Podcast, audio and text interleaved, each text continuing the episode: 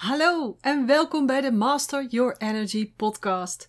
In deze podcast gaat het over energie en vooral over het hoe en waarom het zo belangrijk is om meester te worden over je energie. Want als je meester bent over je energie, dan ben je meester over je leven op alle vlakken. Master Your Energy, Master Your Life. Deze podcast is een hele persoonlijke podcast, dus ik deel hier echt van alles in.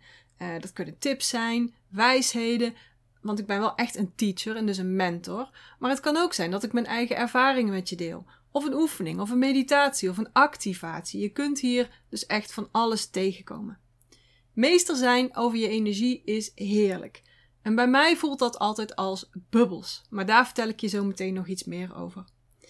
Het is niet alleen heerlijk, maar ook, naar mijn mening, de enige manier om te bereiken wat je wilt bereiken in dit leven om je verlangens te realiseren en om echt de leider te zijn in jouw leven. Op alle vlakken in je leven. Of het nou gaat om je werk, je carrière, je bedrijf, of over geld, succes, of meer op vakantie gaan, of je gezondheid, fysiek, mentaal, spiritueel, mm, of je relaties met je liefdespartner, met je kinderen, met je familie, met je vrienden of met je vriendinnen. Of je relatie met jezelf en denk dan aan self-care, me-time. Maar ook aan je passie, de impact die je maakt met wat je doet. Meesterschap over je energie, een hoge energiefrequentie, is echt de manier om alles te krijgen waar je ziel gelukkig van wordt, waar jij zielsgelukkig van wordt. Dus daar draait deze podcast om. En misschien heb je al eens eerder een podcast van mij beluisterd in het Engels maar deze is dus volledig in het Nederlands. En het kan zijn dat ik wat uit die Engelstalige podcasts oppak en dat ik die opnieuw opneem in het Nederlands. Het kan ook zijn dat je al eens geluisterd hebt naar een Body Mind Business podcast. Die neem ik iedere week op met mijn Energy Sister en mijn echte, echte zus Miranda.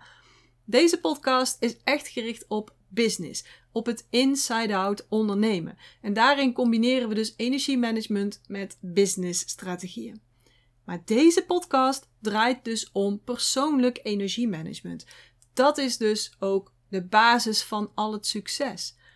En ik zeg altijd: ik ga niet voor de kruimeltjes. Ik ga voor een acht gangen diner. En dat geldt ook voor mijn keuze in een partner, in mijn werk, in mijn vriendenkring, uh, in iets wat ik koop. Het is echt op alle vlakken in mijn leven mijn motto. En dat is ook wat ik jou gun. Ik gun jou ook veel energie en veel bubbels. Ik gun jou een totaal vervuld leven, een first class leven, wat dat dan ook voor jou inhoudt. En in deze eerste aflevering wil ik je vertellen hoe ik gekomen ben tot waar ik nu sta. Hè, tot het leven wat ik nu leid en waarom en op welke manier ik ook nu mensen help. En misschien heb je mijn TEDx-talk al eens gezien. Daarin vertel ik het ook. Want ik ben niet geboren met superpowers, met speciale superpowers. Sommige mensen denken van wel, maar dat is niet zo. Ik ben opgegroeid in een ondernemersgezin. Mijn vader was een echte ondernemer met altijd woeste plannen en allerlei verdienmodellen. En hij begon een yoga studio aan huis. En dan hebben we het over 1979. Dus hij was altijd al heel veel bezig met gezondheid en met energie, gezond eten, bewegen, ademhalingsoefeningen enzovoorts. Dus daar ben ik wel in opgegroeid. Nou goed, ik ging naar het VWO en daarna ging ik BIC studeren, bestuurlijke informatiekunde, aan de CUP in Tilburg, de Universiteit van Tilburg. En alhoewel ik een, ja, alhoewel omdat ik dus een voor 138 punten sneldenkend brein heb, dacht ik ook dat ik iets moest gaan doen met dat brein, met dat beta-brein. Maar ik vond het echt drie keer niks. Het paste zo niet bij mij. En misschien hadden ze me beter naar een HBO-studie kunnen sturen, achteraf gezien. Maar nou, dat universitaire, ik vond het helemaal niks. En in die tijd ging ik ook het huis uit. En ik had nog wel wat uh, trubbels zo thuis. En dus ik ging vroeg het huis uit en ik ging ook samenwonen. En op een gegeven moment ja, was ik alleen maar bezig met wat doet die wasmachine? Wat zal ik eens koken? Uh, The Bold and the Beautiful op televisie was toen in die tijd uh, super populair. En eigenlijk lag ik heel lang in bed. Ik lag veel in bed. Ik was eigenlijk een beetje futloos. Totaal tegenovergestelde van nu. Ik had dus eigenlijk helemaal geen bubbels, maar dat wist ik toen niet. Hè? En op een gegeven moment is mijn vader gekomen, ons pap, zeggen wij hier in Brabant. En die zei: Ga eens iets doen. Wat vind je nou leuk? En toen moest ik echt nadenken, want die vraag had gewoon nog nooit iemand aan mij gesteld. Niet dat ik me herinnerde in ieder geval. Wat vind ik nou leuk? Dus daar ben ik over na gaan denken. En toen heb ik beslissingen genomen en toen ben ik totaal de andere kant op gegaan. Mode was mijn passie. Ik wilde ook altijd graag naar de modeacademie, maar daar was ik afgewezen. Dus ja, toen ging ik maar naar het VWO. En dacht ik, nou, ga ik maar verder studeren. Maar mode was dus wel mijn passie en die richting ben ik toen opgegaan. En toen zei mijn vader, in de tussentijd kan je mij dan mooi komen helpen op de sportschool. En tegenwoordig noemen we zoiets een health club, maar toen heette dat gewoon nog sportschool. En de sportschool was nieuw, hij had dat gebouwd en um, op het moment dat de deur open ging, ja, kwamen er mensen binnen. De good old times voor de sportschool. Dus ik ging helpen, ik ging verven. Dus ik, was, ik, ik weet hoe dat ik die, die pilaren daar stond uh, te schilderen in grijs. En of ik dan ook meteen eventjes de fitnesszaal in de gaten wilde houden. Want ons pap moest dus yogales geven. En dan was die fitnesszaal was, uh, zonder, zonder toezicht. Dus of ik dat er even toezicht wilde houden. Dus dat deed ik. Want ja, er waren hartstikke veel mensen binnen ondertussen. Want deur open en er kwamen mensen binnen. Zo ging het toen nog. Maar goed, ik was dus daar op die sportschool. En gaandeweg ben ik steeds meer connected geraakt met die sportschool. En uiteindelijk ging ik mee met Miranda, mijn Energy Sister, naar de opleiding. En hebben we samen heel veel opleidingen in de sport gedaan. In training, in voeding, in afslanken, enzovoorts, enzovoorts. Dus ik ben gestart aan de westers-medische kant van energie. In de, in de sport, in de voeding, enzovoorts. En ik wist dan ook alles van energie. Tot op celniveau. En ik zeg altijd van mitochondriën tot adenosine, trifosfaten en de Krebszuurcyclus. Ik weet alles van energie. Althans, dat dacht ik. Dat ik alles van energie wist. Totdat ik me op een, ja, een zondagmiddag, zondagmiddag ergens in het voorjaar van 2002, met mijn rug tegen de muur bevond. Letterlijk met mijn rug tegen de muur. Want ik zat namelijk met de rug tegen de muur van het fitnesscentrum, dus hè, van de fitnesszaal. En de tranen rolden over mijn wangen. Ik wist eigenlijk niet meer goed wat ik nou moest doen, waar ik naartoe moest gaan, hoe ik het aan moest pakken. Um, ik was mijn huis kwijt, ik was mijn relatie, of ik had mijn relatie van 14 jaar net beëindigd. Ik was al mijn tussenhaakjes, duidelijk tussenhaakjes, vrienden kwijtgeraakt en ik was best wel behoorlijk blut. Nou, mijn situatie was dus niet al te best en ik vind het niet zo fijn om in drama te gaan, dus dat doe ik nu ook niet. Maar kunt wel zeggen dat het echt een dieptepunt in mijn leven was. En niemand snapte mij ook. Dat hoor je zo vaak zeggen. Maar niemand snapte ook de keuzes die ik gemaakt had. En naar mijn gevoel, het is natuurlijk mijn gevoel, spuugde iedereen mij uit. Zo voelde ik me echt. Uitgespuugd door iedereen. Ik was nergens meer welkom als ik die keuzes bleef maken die ik dus nu gemaakt had. En dat hield in dat ik dus ook geen plek had om te slapen. Maar ik had natuurlijk de sleutel van de sportschool, dus ik kon lekker op de sportschool slapen. Dus ik ging iedere avond naar de sportschool en dan ging ik slapen op de massagetafel, de massagebank. En dan s'morgens als de sportschool open ging, dan zorgde ik dat ik weg was. En dan s'avonds als die ging sluiten, dat was dan maar tien uur, half elf, dan kwam ik weer terug. En gelukkig had ik een autootje, want dat was mijn vrijheid. En daardoor kon ik dus mijn eigen ding doen. Dan kon ik gewoon in de tussentijd in de auto gaan zitten bijvoorbeeld, dus ik niet hoefde te werken. Maar ik voelde me daar dus, hè, met mijn rug tegen dat, uh, tegen de fitnesstoestel. Ik denk niet dat het een muur was, maar ik dat ik echt tegen een fitnesstoestel zat.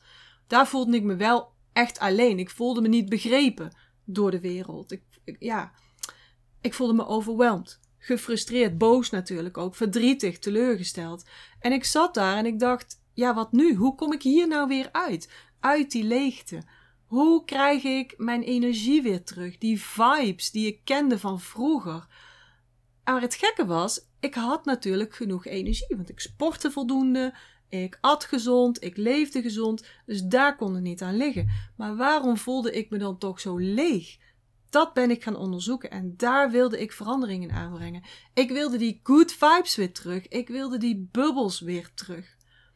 En toen ik daar zat, zo, zo leeg en zo lusteloos, zat ik ook in het eerste jaar van mijn studie TCM, traditionele Chinese medicijnen. Dus dat houdt acupunctuur in en allerlei technieken die dus in die Chinese medicijnen zitten. En op die dag moest ik ook studeren voor mijn eerstejaars examen. Dus daarom zat ik in die zaal met al die uh, grafiekjes en tekeningen van punten. Want ik moest 500 punten uit mijn hoofd leren. Ik moest de yin-yang theorie leren van het eerste jaar. En eigenlijk is het nog een wonder dat ik dat, eerste jaar gehaald heb, uh, gezien de situatie waar ik in zat. Maar goed, door het studeren van die Oosterse geneeswijze en van die energie, energiefilosofie, kreeg ik een heel andere kijk op energie. En eigenlijk vind ik dat wij in het Westen dus maar een onvolledig beeld hebben van energie. Wij denken dat het wel oké is met onze energie als we twee keer in de week naar de sportschool gaan. Nou, vooruit, misschien drie keer. En als we gezond eten. Maar dat is slechts een deel van energie. Goed in je energie zitten, echt grip hebben op je energie en nog een graadje daarboven meester zijn over je energie, dat houdt zoveel meer in. En toen ben ik echt voor mezelf gaan kiezen. Ook al kwetste ik daar anderen mee. En ik dacht, het is mijn leven. En ik wil dat invullen op een manier die mij gelukkig maakt. Ook al is het niet te snappen door anderen. Ook al is het misschien risicovol. Ik wil mijn ziel gelukkig maken. Ik wil zielsgelukkig zijn. Ik ga niet voor de kruimeltjes. Ik ga niet voor jammer. Ik ga voor een acht gangen diner, want dat verdien ik. Op alle vlakken in mijn leven. In mijn werk en in privé. Ik ga voor een leven vol energie en bubbels. En voor mij betekent dat, want bubbels zijn voor mij mijn synoniem voor energie, dat wanneer ik goed in mijn energie zit, dan voel ik mij bruisend als champagne. Behalve dan dat ik daar helemaal niet tegen kan. Ja, een glaasje champagne kan ik aan, maar eigenlijk kan ik helemaal niet tegen alcohol. Dus vergelijk het maar met Spa Rood of de iets minder bubbelende versie. Die, um, die met die fijne bubbels, die Marie Antoinette of zoiets. Weet je wel, die met dat groenige etiket, als ze die nog hebben. Bubbels dus. Als ik bubbels heb, als ik ze voel, dan ben ik creatief. Dan ben ik productief. Dan ben ik super gefocust. Dan heb ik de juiste ideeën. Dan neem ik de juiste beslissingen. Dan stroomt alles. Eigenlijk als vanzelf. En dan komen dingen naar me toe. Dus vanaf toen ging het ook stromen als een dolle. Ik studeerde af. En ik kan erbij zeggen, heel trots, cum laude. Um, in de TCM dus, hè, die Traditional Chinese Medicine. Ik studeerde af samen met Miranda, met mijn zus en met ons pap. En we gingen een kliniek openen. Wij waren alle drie zelfstandigen, maar samen werkten we in die kliniek. En ik had altijd een, een wachtlijst van drie maanden, minimaal zes maanden zelfs in de hooikoortstijd. Ik ging ook een boek schrijven over energie, wat heb ik altijd al willen doen. Een boek schrijven. Al ook gewoon, dat is misschien een ego-dingetje, maar een boek op mijn naam hebben leek me nou gewoon super tof. Dus ik heb een boek geschreven over energie. Blijf het meer energie volgens de vijf elementen. Misschien heb je het wel. En het is een bestseller geworden. En daar ben ik natuurlijk super trots op. Dit, uh, op dit moment zitten we in de vijfde druk. Ja, daar ben ik gewoon heel erg trots op natuurlijk. Met dat boek kwamen nieuwe dingen in mijn leven, zoals het geven van lezingen, zoals het geven van trainingen. En ben ik uiteindelijk ook retreats gaan organiseren. En ik bijvoorbeeld 13 keer op Energieweek geweest met een groep. Een groot deel in het heerlijke Andalusië, maar ook een paar keer in Marokko. Dan zaten we op de kameel en dan gingen we naar de woestijn. En daar hebben we tussen hemel en aarde onder de sterrenhemel geslapen. Ja, was helemaal fantastisch. En ik hoop dat dat ook weer snel terug kan komen. Gezien de situatie op de wereld en de mogelijkheid om te reizen. Dus die gaan er wel weer komen. En inmiddels ben ik ook de go-to person op mijn vakgebied. En dat is natuurlijk ook super cool. Dus ik heb niet alleen mijn leven weer op de rit gekregen, ik heb echt een droomleven. Niet gekregen, gecreëerd voor mezelf, mag ik zeggen. Ook privé. Ik ging samenleven met de grote liefde, met de liefde van mijn leven. Inmiddels zijn we alweer 21 jaar samen. We zijn ook getrouwd. We hebben een heerlijk huis. Ik heb een fijne en een echte hechte band met mijn familie. Ik heb een super fijn sociaal leven. Ik heb dierbare vriendinnen en vrienden. Kortom, ik heb overvloed op alle vlakken. En natuurlijk heb ik ook te maken met ups en downs. En als je blijft luisteren naar deze podcast, dan ga je vanzelf allerlei momenten uit mijn leven nog horen. Maar ik kan mijn energie heel hoog en heel stabiel houden. Ook al zijn er die downs. En ook al zijn er die moeilijke tijden. Dan, dan beheers ik gewoon de technieken om weer snel ja, in de good vibes te komen. En weer snel de dingen aan te trekken die ik in mijn leven wil en nodig heb. En dat is wat je krijgt wanneer je energie in balans is. Wanneer je meester bent over je leven. En dat is wat ik jou ook gun. Nou snap ik wel En ik zeg het in de TEDx-talk ook al. Ik snap dat je geen zin hebt om Chinese geneeswijze te gaan studeren. Ja, of misschien ook wel trouwens, hè. Maar de meeste van jullie niet. Uh, of dat je een studie kwantumfysica wilt gaan doen. Of dat je alles moet gaan lezen, uh, lezen en leren over energiefrequenties. En dat hoeft ook niet, want daar heb je mij dus nu voor. En deze podcast. En je zult wel merken als je mijn podcast gaat luisteren en ook als je artikelen van mij al gelezen hebt, dat ik een heel andere kijk heb op het oplossen van problemen dan de gemiddelde westerse mens.